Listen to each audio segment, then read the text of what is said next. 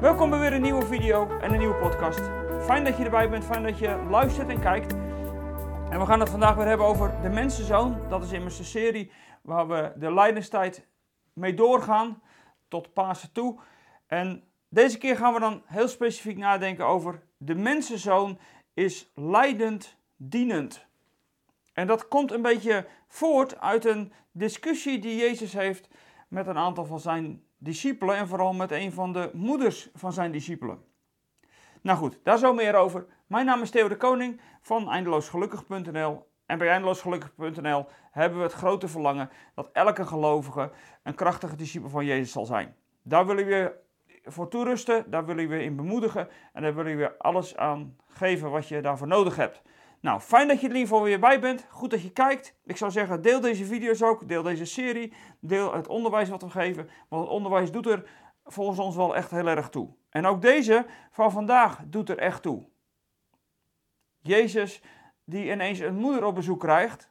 En die moeder die zegt dan dat die twee zonen van haar in de hemel aan de linker en aan de rechterkant van Jezus zouden moeten zitten. Wat zegt die moeder eigenlijk? Nou, die moeder zegt nogal iets stevigs. Die vraagt gewoon of dat, of dat haar zonen mogen meeregeren. Nou, daar gaan we met elkaar even naar kijken. We zullen het gedeelte eerst maar even lezen. Dan uh, is het voor mij iets makkelijker om, uh, om de lijn eruit te halen. En daarna zal ik een paar uh, pittige vragen stellen om mee te beginnen. Nou, pittig. Gewoon even vragen om goed over na te denken. Maar laten we het gedeelte eerst even lezen uit Matthäus 20. Vanaf vers 17. Matthäus 20 vanaf vers 17. En er zit even een klein stukje voor. Daar vertelt Jezus dat de mensenzoon moet opgepakt worden. En dan vervolgens komt het, de, het verhaal met de moeder van de zonen van Zebedeus. En dan komt die term, die titel, mensenzoon ook weer in terug. Vers 17 uit Matthäus 20. Onderweg naar Jeruzalem nam Jezus de twaalf leerlingen apart en hij zei tegen hen: We zijn nu op weg naar Jeruzalem waar de mensenzoon zal worden uitgeleverd aan de hoge priesters en de schriftgeleerden, die hem ter dood zullen veroordelen. Ze zullen hem uitleveren aan de heidenen, en die zullen hem bespotten, geestelen en kruisigen, maar op de derde dag zal hij worden opgewekt uit de dood. Daarop kwam de moeder van de zonen van Zebedeus met haar zonen naar hem toe. Ze wierp zich voor hem neer om hem een gunst te vragen. En hij vroeg haar, wat wilt u? En zij antwoordde: Beloof me dat deze twee zonen van mij in uw koninkrijk naast u mogen zitten. De een rechts van u en de ander links. Maar Jezus zei hun: Jullie weten niet wat je vraagt. Kunnen jullie de beker drinken die ik zal moeten drinken? Ja, dat kunnen wij, antwoordden ze.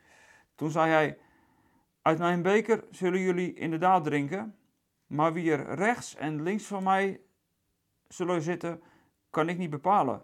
Die plaatsen behoren toe aan hen voor wie mijn vader het heeft bestemd. En toen de andere leerlingen hiervan hoorden, namen ze de broers zeer kwalijk. En Jezus riep hen bij zich en zei: Jullie weten dat de heersers van hun volken, dat de heersers hun volken onderdrukken en dat de leiders hun macht misbruiken. Zo mag het bij jullie niet gaan. Wie van jullie de belangrijkste wil zijn, moet een dienaar zijn van de ander. En wie van jullie de eerste wil zijn, moet een slaaf zijn van de ander. Zoals de mensenzoon niet gekomen is om gediend te worden, maar om te dienen en zijn leven te geven als losgeld voor velen. Nou, die moeder van de zonen van Zebedeus. En het lijkt wel als je naar het antwoord van Jezus luistert, want Jezus antwoordt helemaal die moeder niet, maar antwoordt die zonen van Zebedeus, dus die twee zonen van die moeder. Nou, als je dan Jezus hoort antwoorden, je zou er als uh, een van de andere tien naast gestaan hebben. Ik denk dat ik heel kwaad geworden zou zijn, want alles wijst er hier wel op dat die zonen van Zebedeus zelf dit hebben bedacht en hun moeder een soort van voor het karretje spannen, want anders had Jezus die moeder wel geantwoord. Nou, dan ben je met z'n twaalf op pad, ben je met Jezus onderweg, loop je al drie jaar met hem en dan uiteindelijk wordt er een soort, uh, een soort plan gesmeed dat er twee van hen dan uh, uiteindelijk aan de linker en de rechterhand van Jezus zouden mogen zitten. En die andere tien, die worden dan mooi buiten gehouden. Nou, je zou ook zeggen, lekker spul is dit. Nou, laten we het even anders stellen. Want die, die, die zonen van Zebedeus, die gedachten zijn allemaal namelijk niet zo gek. Tenminste, niet als je begrijpt wat de context is van dit verhaal. Het is wel, het is wel apart en het is ook wel heel grof. dat die twee dit voor zichzelf vragen en niet voor die twaalf met elkaar, maar er zit natuurlijk wel een gedachte achter. Nou, kijk, laat ik eerst deze vraag maar eens even stellen. Ehm, als je nu naar het hele wereldtoneel kijkt, en dat is natuurlijk een heftig wereldtoneel op dit moment, met alle oorlog, met alle toestanden. Als je naar dit wereldtoneel kijkt, en stel dat dit wereldtoneel zou zijn waaronder Jezus op aarde zou rondlopen. En jij hebt vertrouwen in Jezus gekregen. Wat zou je dan aan Jezus vragen? Of wat zou je hopen dat Jezus zou doen? Nou, ik heb er even over nagedacht. En als je ook even wil nadenken, moet je de video even stilzetten, of de podcast, kun je even nadenken. Ik heb er ook even over nagedacht en ik dacht van nou, als Jezus hier nu op aarde rond zou lopen, dan zou ik zeggen, nou Jezus, begint u dan maar met uw vrederijk. Dat is beter. Dat is beter dan al dat gedoe wat er nu plaatsvindt. Oké, dacht ik toen. Maar nu wat anders nog. Stel dat je nou een hele echte Israëliet zou zijn. In de tijd van de Bijbel. En er lag nog een belofte ergens. Dat die troon van koning David, dat er op die troon een nieuwe koning zou komen. En dan ineens loopt Jezus op aarde rond, die het ook over dat koningschap heeft, die het ook over de troon van David heeft, die op een manier over deze aarde rondloopt, ja, waar je allemaal wel van denkt, dit is wel heel bijzonder. Dit is meer dan Salomo. Onder Salomo was geen oorlog, hè. David was nog een vechter, maar Salomo niet. Salomo was wijs. Salomo had alles. Dat is de lijn van koning David. En hier, hier zien ze eigenlijk hetzelfde gebeuren. Er loopt hier ineens iemand op deze aarde rond in de lijn van David. Nou, er was nog een belofte dat die troon weer bezet zou worden. Wat zou je dan willen? Nou, in dat geval, dan weet ik het ook wel, dan zou ik willen dat Jezus uiteindelijk dat koningschap van koning David en van Salomo, dat hij dat zou herstellen. Wat betekent dat dan? Ja, wij kunnen zeggen, ja, maar dat is een geestelijk koninkrijk. Jazeker, dat is een geestelijk koninkrijk, maar dat hadden de discipelen niet door. Want men in die tijd verwachtte niet per se een geestelijk koningschap. Dan wisten ze helemaal niet wat ze zich daarbij voor moesten stellen. In die tijd verwachten ze gewoon dat er een opvolger zou komen van David, die al die Romeinen het land uit zou schoppen. En klaar, en op de troon. Gelukkig, we kunnen weer echt Israëliet zijn, we kunnen weer echt Jood zijn, we hebben ons eigen land weer, we hebben ons eigen volk en er zit weer een koning op de troon. En dat zou dan een vrederijk moeten zijn. Als je dat nou even in je achterhoofd neemt, dan moet je nog een keer naar die zonen van Zebedeus kijken. Want wat zou jij in zo'n koninkrijk dan willen? Jij volgt Jezus en hij gaat een soort vrederijk op aarde stichten en jij loopt naast hem. Dan is ineens die vraag van die zonen van Zebedeus om naast Jezus te mogen zitten niet eens zo heel gek. Want eigenlijk vragen ze wat anders natuurlijk. Eigenlijk zeggen ze, mag ik, natuurlijk die, die plekken naast Jezus zijn de belangrijkste. Dat is de minister-president als het ware en misschien de minister van Financiën of zo. Nou, dat weet ik niet. Dus dat ik me niet invullen.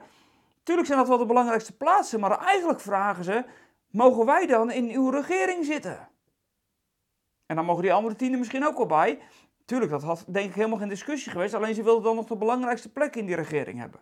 Maar ze vragen uiteindelijk om naast Jezus te mogen zitten en met hem dus te mogen regeren in dat aardse koninkrijk. Dat is wat ze zeggen. En dat is ook, laten we even eerlijk zijn, wat wij, wij misschien soms wel eens gewoon hopen. Wat zou Jezus moeten doen? Nou, dan heb ik in deze situatie hoe de wereld er nu voor staat, dat ik denk van, laat hij dan maar gewoon vrede brengen. En die machthebbers van hun troon afwerken. Maar, en dan zegt Jezus, en dat is nou net niet de bedoeling. Sowieso heb ik er niks over te zeggen, zegt hij. Wie er naast mij mag zitten, dat bepaalt mijn vader. Dus daar heb ik niks over te zeggen. Maar je begrijpt ook gewoon mijn koninkrijk niet goed. Niet alleen dat het een geestelijk koninkrijk is en niet letterlijk een koninkrijk met macht.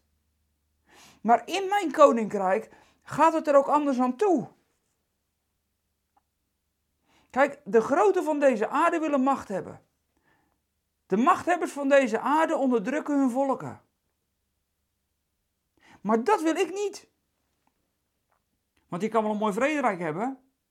Maar als je volgens in dat vrederijk een leider hebt die gewoon jou onder druk zet, wat schiet je er dan mee op? En dat is dus ook niet de cultuur, zegt Jezus als het ware. Dat is niet de cultuur van mijn koninkrijk. In mijn koninkrijk is alles andersom. Dat is de wereld op zijn kop. Want de hemel rechtop is de, is de aarde op zijn kop hoor. En dan zegt Jezus: Het zal niet zo zijn zoals de grote van de aarde doen, zoals de machthebbers het doen. Maar in mijn koninkrijk zal de kleinste de grootste zijn. En degene die denkt dat hij het voor het zeggen heeft, die is de slaaf van de ander. Dat is mijn koninkrijk. En dan moet je even terugkijken. En daarom heb ik het andere gedeelte er natuurlijk bijgelezen. Wat uh, vanaf vers 17 staat. Daar vertelt Jezus dat hij onderweg is naar Jeruzalem. De mensenzoon is onderweg om overgeleverd te worden. Dus diegene die zij nu als koning zien, die zegt zelf: Ik ben onderweg om overgeleverd te worden en aan het kruis gehangen te worden. Nou, dat hebben ze al meerdere keren van gezegd, dat zal u echt niet gebeuren. Nou, Jezus weet wel beter. Maar dat is de rol van Jezus. En dat zegt hij aan het einde van dit gedeelte dan nog een keer. En dan zegt hij, de mensenzoon, die is niet gekomen om te dienen, maar om gediend te worden en zijn ziel te geven als een losprijs voor velen. Dus Jezus zegt, ik ben helemaal niet gekomen om gediend te worden. Het is niet de bedoeling dat ik een koning ben die jullie allemaal dienen, maar ik ben gekomen om jullie te dienen. En dan straks, als alles volbracht is en de tijd erop zit, ja, dan zal hij wel regeren. Maar dat zal een ander koninkrijk zijn dan wat je nu op aarde ziet. Dat gaat hij nu nog niet eens precies uitleggen. Maar Jezus zegt, ik ben er nu in de eerste plaats voor om jullie te dienen met mijn leven. Het gaat mij niet om mijn leven, maar het gaat mij om jullie leven. Dat is de mensenzoon die leidend komt dienen. Het gaat niet om mijn leven, maar het gaat om jullie leven. En als ik mijn leven geef, dan zullen jullie leven. Dat is de theorie van het koninkrijk. Dat is het principe van het koninkrijk. En Jezus die zegt dus, ik kom dienen door mijn leven te geven en door gekruisigd te worden. Want daarmee is het losgeld bij God in de schuld die jullie hebben betaald. En dat is uniek wat Jezus doet, hè? Jezus zegt niet dat moeten jullie ook gaan doen. Jezus zegt wel, de drinkbeker die ik drink, die zullen jullie ook drinken. Daar vragen ze natuurlijk nog om. Jezus zegt, jullie kunnen hem niet drinken. En dan zeggen ze, dat kunnen we wel. En dan zegt Jezus vervolgens, ja, dat zullen jullie ook. Dat gaat over de drinkbeker van het lijden. Niet het unieke, verzoenende lijden wat Jezus deed, maar het lijden wat je lijdt als volgeling van Jezus in deze wereld. Daar gaat die drinkbeker over. En wat is Jezus aangedaan? Dat wordt ook zijn volgelingen aangedaan vervolging, onderdrukking. Dus die drinkbeker, zegt Jezus, ja, die zullen jullie echt wel drinken. Dat wil hij dan niet, maar het moet wel. En het hoort er ook wel bij. Maar wat Jezus gaat doen, is uniek. Eenmalig. En dat hoeft maar één keer te gebeuren. Zoals door één mens de zonde in de wereld is gekomen, zo zal door één mens, de mensenzoon, de zonde uit de wereld gedragen worden. Dat gaat Jezus doen als uniek dienen, wat geen ander ooit zal doen en wat geen ander hoeft te doen. Maar dat zegt nog niet dat daarmee het hele koninkrijk van Jezus alleen maar door hem wordt uitgevoerd. Dat die cultuur van dat koninkrijk alleen maar op zijn schouders zou rusten. Precies niet. Want die mensenzoon die is gekomen om, niet om te dienen, maar om niet, die is niet gekomen om gediend te worden, maar om te dienen. Die cultuur van het koninkrijk, van die ander willen dienen, dat is het geheim wat in dit koninkrijk zou moeten functioneren. En niet dat eenmalige offer van Jezus, dat is eenmalig uniek. Maar die cultuur verandert niet. Dus als je nou zegt van nou, dat koninkrijk van Jezus, nou daar wil ik wel in zijn regering zitten. Wat die zonen van CBD's vragen. En wat niet per se heel raar is als je nadenkt vanuit koningschap gedacht meeregeren is ook iets wat we er straks bij krijgen. We zullen met hem in de troon zitten. Maar dat betekent voor het hier en nu, tot de wederkomst van Jezus, dat je ook die cultuur die Jezus hier inluidt, die cultuur van het koninkrijk van dienen, dat je die ook eigen zult moeten maken. En dan zal de grootste de kleinste zijn. En de kleinste zal de grootste zijn. Dus dat is een omslag ook in ons denken en in mijn denken, in jullie denken, in jouw denken. Door te dienen zul je groot worden. Door te dienen zal het koninkrijk van Jezus bevestigd worden op aarde. En weet je, ik merk dat dat ook in de kerk soms een hele ingewikkelde is. Want waarom wil je dienen? Uiteindelijk misschien wel weer om macht te hebben. Maar het gaat niet om die macht, maar het gaat om het dienen. Het ging Jezus ook niet om de macht. Hij wist dat hij door te dienen zijn koninkrijk zou vestigen. Want zijn koninkrijk is een dienend koninkrijk waar het altijd om de ander gaat. En dat probeert Jezus en discipelen en jou en mij op deze manier te leren. En Jezus zegt dus tegen je, dat koninkrijk van dienen, dat is de enige manier dat mijn koninkrijk op aarde zou kunnen komen. Hoe heb je impact in deze wereld? Niet door de macht te pakken, maar door je, door de, je naaste, door de ander te dienen. Op het moment dat je de ander dient, dan zul je impact hebben op deze wereld. Dan zal er iets veranderen. Door al die machthebbers zal er niks veranderen, er komt alleen maar oorlog van. Maar door te dienen, en als een vredekoning te dienen, dan zul je de impact op de wereld vergroten en zal het koninkrijk van Jezus de wereld veranderen. Deden we dat nou allemaal maar? Zouden we dit principe nou begrijpen, dan was er nooit meer ellende op deze wereld. En natuurlijk, dit zullen wij nooit volmaakt volbrengen. Dit zal heel erg ten dele blijven, zolang Jezus niet is teruggekomen. Maar dit principe, daar moet je voor leven. Ik zeg iedere keer moet, maar ja, eigenlijk wel. Het kan toch niet anders als je Jezus met alles wat je hebt lief hebt. Die Jezus, die, die is gekomen om jou te dienen, dan ga jij toch ook dienen? En dan, komt, dan gaat in vervulling wat Jezus hier zegt in Matthäus 20. Jullie weten dat de heersers van de volken onderdrukken en de leiders macht misbruiken. Zo mag het bij jullie niet gaan. Het kan niet.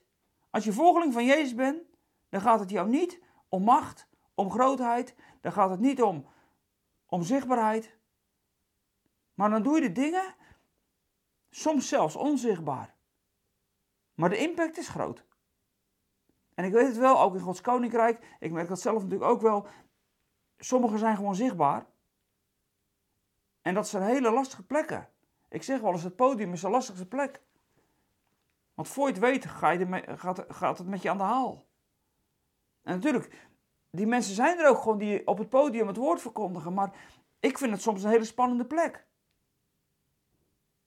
Want hoe ga je daar goed dienend mee om?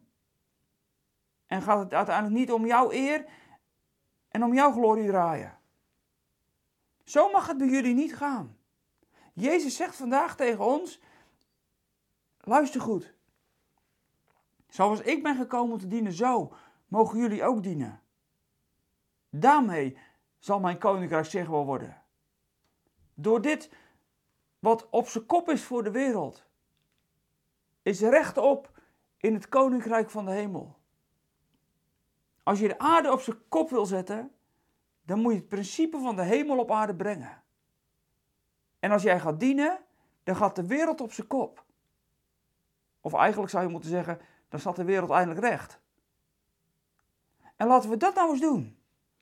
Laten we dat leren van de mensenzoon die kwam om lijden te dienen.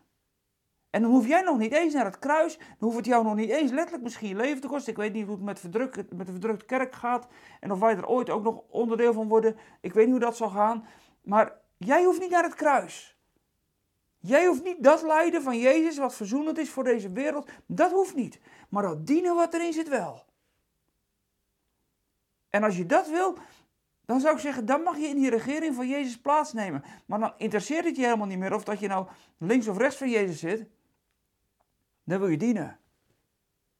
Dat is het principe van het koninkrijk. Dat is het principe wat onder de kerk zou moeten liggen. En Jezus, die gaat ondertussen door naar Jeruzalem. Hier in de geschiedenis. Om uiteindelijk overgeleverd te worden. Bespot te worden en gekruisigd te worden. Uniek, eenmalig.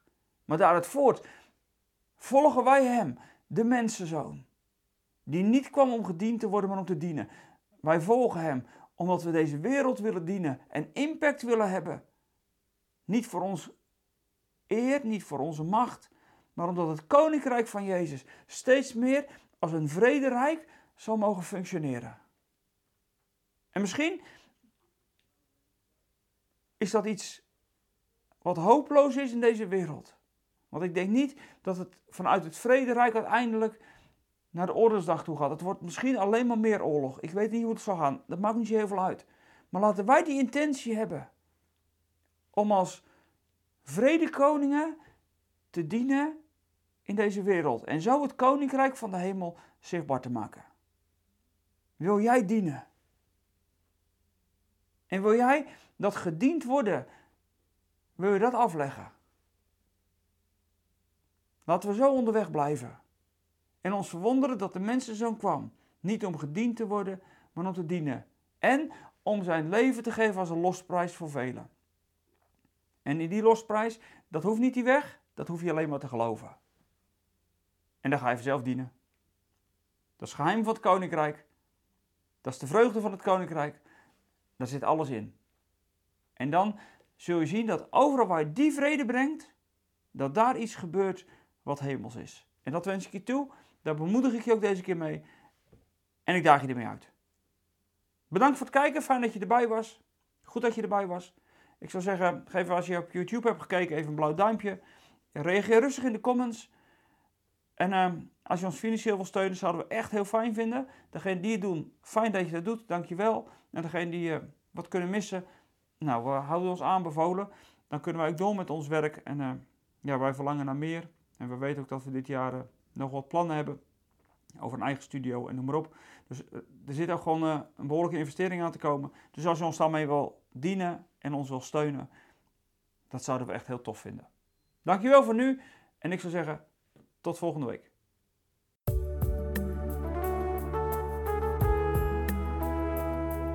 We zijn er weer aan het einde van deze podcast. Spreken deze podcast je aan en wil je ons met de gift ondersteunen? Kijk dan voor meer informatie op www.eindeloosgelukkig.nl slash podcast.